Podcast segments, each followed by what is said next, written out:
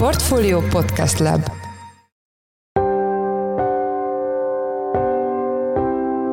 Mindenkit üdvözlünk, sziasztok! Ez a Checklist a Portfolio podcastja szeptember 7-én csütörtökön. A műsor első részében arról lesz szó, hogy mit olvashatunk ki a friss ipari adatokból, túllendülünk-e a szektor 2022 közepe óta látott gyengélkedésén. Kicsit szomorú volt az elmúlt néhány hónap negyedév, abból a szempontból, hogy azért nem vártuk azt, hogy olyan nagyon összeessen az ipar.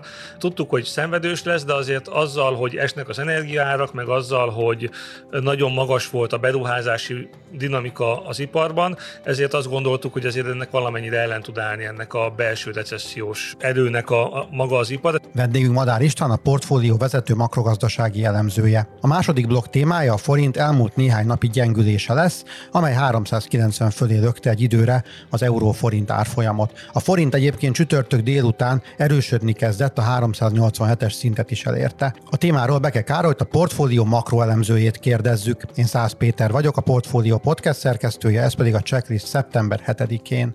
Most egy rövid szünet, és jövünk vissza.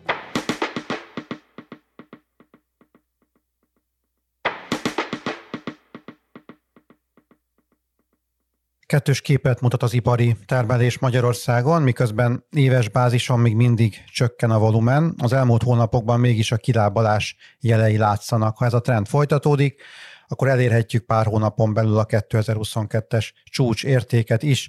Itt van velünk a stúdióban Madár István, lapunk vezető makrogazdasági elemzője. Szia, üdvözlök a műsorban. Szia, én is üdvözlöm a hallgatókat. Mielőtt a friss számokról beszélnénk, az első kérdésem, hogy miért szenved az ipar. Magyarázhatjuk ezt azzal, hogy ebben a recessziós környezetben gyakorlatilag semmilyen makroadat nem mutat túl szép képet? Mondhatjuk azt, hogy Magyarországon igen eléggé általános pangás jellemző jelen pillanatban, ugye nincs egy nagyon mély recessziónk, de azért az a gazdaság egész széles területeire kihat, de ezt talán azért önmagában nem magyarázza meg, hogy az alapvetően exportorientált iparunk miért tartozik ebbe a körbe, mert az talán kevésbé érinti a költségvetési megszorítás, kevésbé érinti a, a reál keresetek csökkenése, de ugye érinti például az, hogy a világgazdaságban is van egy általános lassulás, ez azért csökkenti a piacaink növekedését, és ezáltal ugye a piacaink bővülését, illetve ugye van egy jelentős mértékű energiaintenzív ágazati csoportunk is, ahol látható, hogy azért az eléggé megsínyli az energiaválság hatásait, a magas energiaköltségek visszavetik a termelésüket, és így egyszer csak azt vettük észre egy 2022 elején, hogy megáll az ipar növekedése, ami addig úgy viszonylag rendben volt, és zajlott egy fokozatos felzárkózás a koronavírus válság előtti ipari növekedési pályára, és egyszer csak azt láttuk, hogy ez megáll, először stagnálás, majd az idén egyértelműen egy ilyen nem túl erőteljes, de enyhe és világos gazdasági visszaesésbe öltött testet, és ez az, aminek tulajdonképpen most így az utóbbi egy-két-három hónapban mintha vége lenne, ugye elég cikcakosak a havi adatai az iparnak, tehát nem arról van szó, hogy ezt egy ilyen vonalzóval lehet húzni, de ha ránézünk a, arra az ábrára, ami mutatja, hogy az ipari termelés volumene éppen hol tart, akkor azt láthatjuk, hogy mintha megállt volna az esés, és egy enyhe kis emelkedést már bele lehet látni az utolsó néhány adatba. Ez még nem elegendő ahhoz, hogy egy éves visszatekintésben is növekedés legyen, ezen aztán a különböző értékelései a mai adatnak eléggé zavaros képet mutatnak, de mi azt gondoljuk, hogy alapvetően az a fontos, hogy az elmúlt néhány hónapban mi történt. Az elmúlt néhány hónapban van egy kis emelkedés, ami azért annyiból mindenképpen óvatos bizakodást ad okot, hogy 2022 eleje óta nem volt olyan negyedéve a magyar gazdaságnak, amikor az ipar jól kezdett volna. Ugye ezek aztán mindig jól meg is alapozták a recessziós negyedéveket a későbbiekben, mert hát ha az ipar sem húz, akkor, akkor mi húzzon egy olyan gazdaságban, ahol meg a belső kereslet igen gyenge. Azt tisztázzuk, hogy ez az ipar kibocsátását jelenti, nem pedig a hozzáadott értéket, ami a GDP szempontjából fontos. Így van, hogy ez a termelés volumene, vagyis az, hogy mit bocsát ki az összes magyar ipari gyár, ezt korrigáljuk azzal, hogy áremelkedés is volt, és akkor kapunk egy szép volument. Ez nem teljesen ugyanaz, mint amikor azt mondjuk, hogy az iparnak mi a hozzáadott értéke, tehát mi az, ami a gyárban hozzáadott értékként kerül abba az alapanyagba, félkész termékbe, és végül késztermék lesz belőle, de a tapasztalatok szerint elég jó az együttmozgás a volumenindexek, meg a hozzáadott érték alapú indexek között, vagyis ha az ipar enyhén esik, akkor eshet a termelés, akkor esik a GDP-ben is, az ipar is. Ezt láthattuk a legutóbbi negyed évben is, tehát azért egy jó indikáció arra vonatkozóan, hogy a tényleges gazdasági teljesítmény, amit a GDP jobban mér, azzal kapcsolatban mi a helyzet. A múltról beszéltél, milyen kockázatok terhelik a, az ipari termelést a következő fél évben? Ugye azt mondhatjuk, hogy kicsit szomorú volt az elmúlt néhány hónap negyedév, abból a szempontból, hogy azért nem vártuk azt, hogy olyan nagyon összeessen az ipar. Tudtuk, hogy szenvedős lesz, de azért azzal, hogy esnek az energiárak, meg azzal, hogy nagyon magas volt a beruházási dinamika az iparban, ezért azt gondoltuk, hogy azért ennek valamennyire ellen tud állni ennek a belső recessziós erőnek a, a maga az ipar. Ezt csak azért mondom, mert ez a két tényező továbbra is húzhatja az ipart. Tehát most akár a fixebb határidejű energiaszerződések lejártakor több olyan cég is lehet, amelyik szembesül azzal, hogy már olcsóbban fogja tudni kapni az energiát, aki piaci áron van, az is az elmúlt hónapokban azért fokozatosan alacsonyabb áron tudott energiát vásárolni, illetve ugye folyamatosan magas szinten van a feldolgozóipari beruházás, ami azt mutatja, hogy van kapacitás bővítés az országban. Ezek a közeljövőre nézve azért optimista képet sugalnak, ugyanakkor kétségtelen, hogy beszéltük róla, hogy ugye a nagy felvevő piacaink mindegyik elég pocsékbőrben van. Éppen ma jött ki a német ipar is, a német ipar az harmadik hónapja esik, nem néz ki jól, a német gazdaság valószínűleg recesszióban ragad, az Egyesült Államok sem néz ki jól, és Kína sem, tehát ilyen szempontból azért a külső támogató környezet egy ilyen exportorientált szektorban továbbra sem túlságosan erős, és ugye azt sem szabad elfelejteni, hogy egy júliusi adatból még talán azért sem szabad olyan nagyon komoly következtetéseket levonni, mert a július-augusztus tipikusan az ilyen gyári átállások, ideiglenes leállások időszaka. Ez szokott csúszkálni július és augusztus között, ezért feltétlenül megengedve azt a lehetőséget, hogy akár az is előfordulhat, hogy most több gyár tolta el augusztusta az egyébként júliusban is jellemző leállások időszakát, lehet, hogy augusztusban meglátunk egy kis korrekciót ebből, a, ebből az ipari növekedésből, tehát érdemes megvárni még mindenképpen az augusztusi számot is, de az biztos, hogy azért az egy kis fellélegzés, meg óvatos bizakodás, hogy végre jól kezdődött egy, egy negyedév, ez a harmadik negyedév, amúgy is mindenki abban bízik, hogy talán négy negyedév recesszió után ebben az ötödikben már nem esik vissza a magyar gazdaság, ehhez kell nyilván az iparnak a, a szerepe, hiszen azért a belső motorok, a, a reálkeresetek ugyan éves alapon már nem fognak csökkenni, de azért mégsem száguldanak, a kiskereskedelmi forgalom júliusban sem volt erős, tehát azért nem, nem fog a gazdaság minden egyes szektora ö, dübörögni a harmadik negyed évben sem, én azt gondolom, hogyha az ipar, amelyik egy kicsit tényleg a külső tényezők által is vezérelt, meg a nagy beruházásaik által vezérelt, ott tud egy autonóm növekedés megvalósulni, akkor az azért nyilván tud segíteni abban, hogy kikimásszunk ebből a recesszióból. Köszönöm szépen az elmúlt percekben. Madár István lapunk vezető makrogazdasági elemzője volt a vendégünk. Köszönjük, hogy a rendelkezésünkre álltál. Én köszönöm. Érezhetően gyengült a forint az euróval és a dollárral szemben is az utóbbi napokban, így az euróval szemben 390 forintos szint közelébe emelkedett az árfolyam, sőt, amikor ezt a felvételt készítjük most 11 óra magasságában, e fölött a szint fölött áll a forint árfolyam. Ugye a kérdés megint az, hogy meg lesz a 400-as árfolyam. Itt van velünk a telefonban Beke Károly lapunk makrogazdasági jellemzője. Szia Karcsi, üdvözöllek a műsorban. Sziasztok! Mi okozza a forint elmúlt napokban látott gyengeségét? Egyszerre több dolog van, ami a forintnak egy kicsit keresztbe tesz.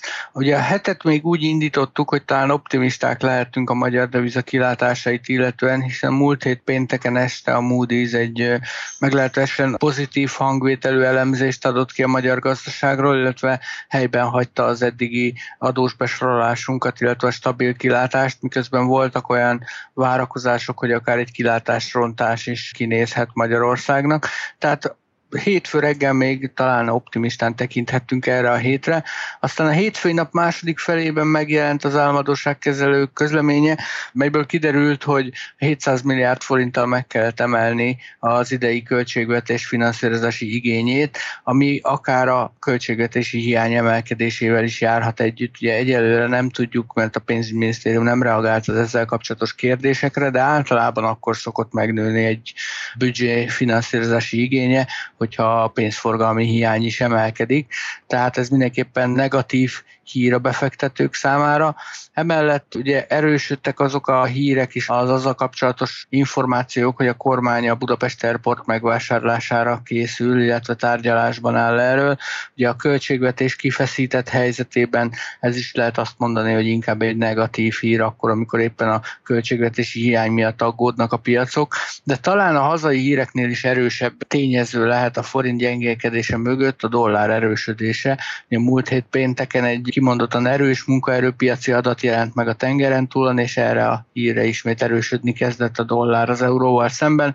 Ez pedig általában rossz hír a feltörekvő piaci devizák számára is, a forint számára is és mindezeket, ha lehet így mondani, megkoronázva, szerdán még érkezett egy meglepően nagy lengyel kamatvágás, ami a régiós, a kelet-közép-európai devizák kilátásait ronthatta. Tehát ezek így összességében okozták azt, hogy a forint ismét a gyengülés felé mozdult. A lengyel kamatvágásról majd szeretnélek kérdezni később, de most inkább arról beszéljünk, hogy merre mehet akkor az árfolyam. Az a szokásos kérdés, hogy elindulunk-e a 400-as szint felé.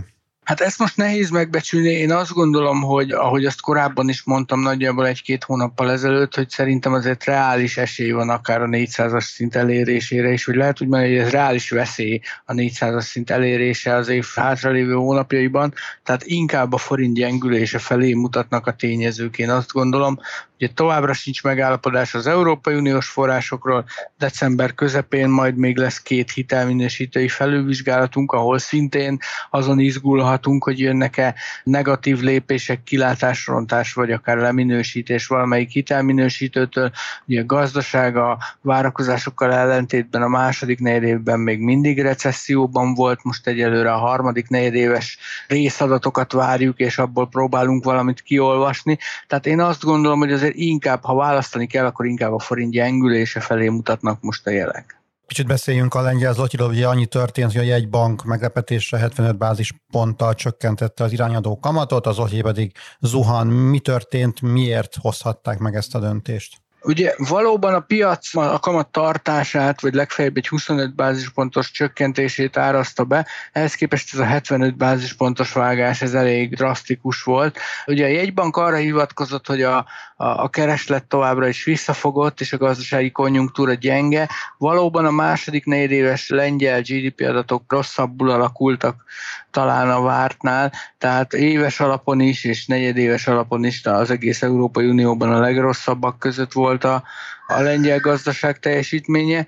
Sokak szerint politikai motiváció is lehetett a szerdai döntés mögött. Ugye bő egy hónap múlva Varsóban parlamenti választásokat tartanak, ahol a jelenlegi kormánypárt egyelőre minimális előnyel vezet a felmérésekben, és sokan azt gondolják, hogy az általuk kinevezett jegybanki tanácstagok próbálják egy picit kampánytémává tenni a, az irányadó kamatot és a gazdasági aktivitást, és ennek is köszönhető ez a vártnál nagyobb kamatvágás. Emellett persze elképzelhető az is, hogy a lengyelek úgy gondolkodnak, hogy inkább egyszer vágnak nagyot, és aztán a következő hónapokban majd folyamatosan tartják szinten a kamatot, és akkor lenyugszik egy kicsit a piac is. Az biztos, hogy most azért van egy kicsi felfordulás emiatt, és ez átragad egy, a régiós devizákra, egy a forintra is. Tehát ugye ilyenkor, amikor egy ilyen esemény történik a régióban, akkor általában vannak olyan nagy intézményi befektetők, akik átsúlyozzák a befektetéseiket, és nem csak a lengyel piacról vonulnak ki, hanem a teljes kelet-közép-európai régiót egy picit büntetik emiatt. Köszönöm szépen az elmúlt percekben Beke Károly, lapunk makroelemzője volt a vendégünk, köszönjük, hogy a rendelkezésünkre álltál. Köszönöm szépen.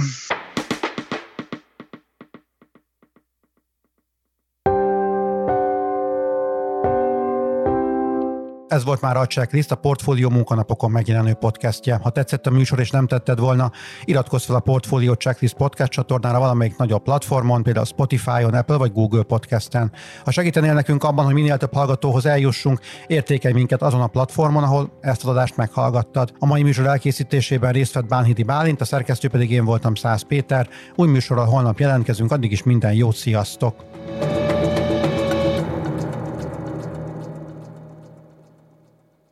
Reklám következik.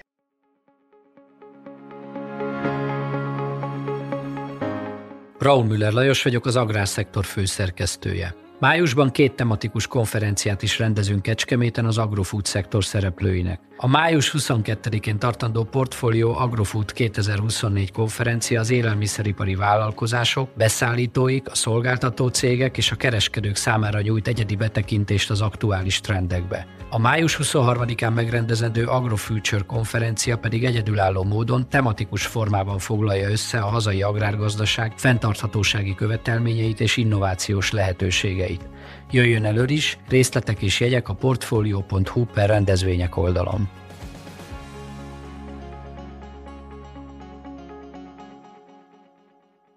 Reklámot hallottak.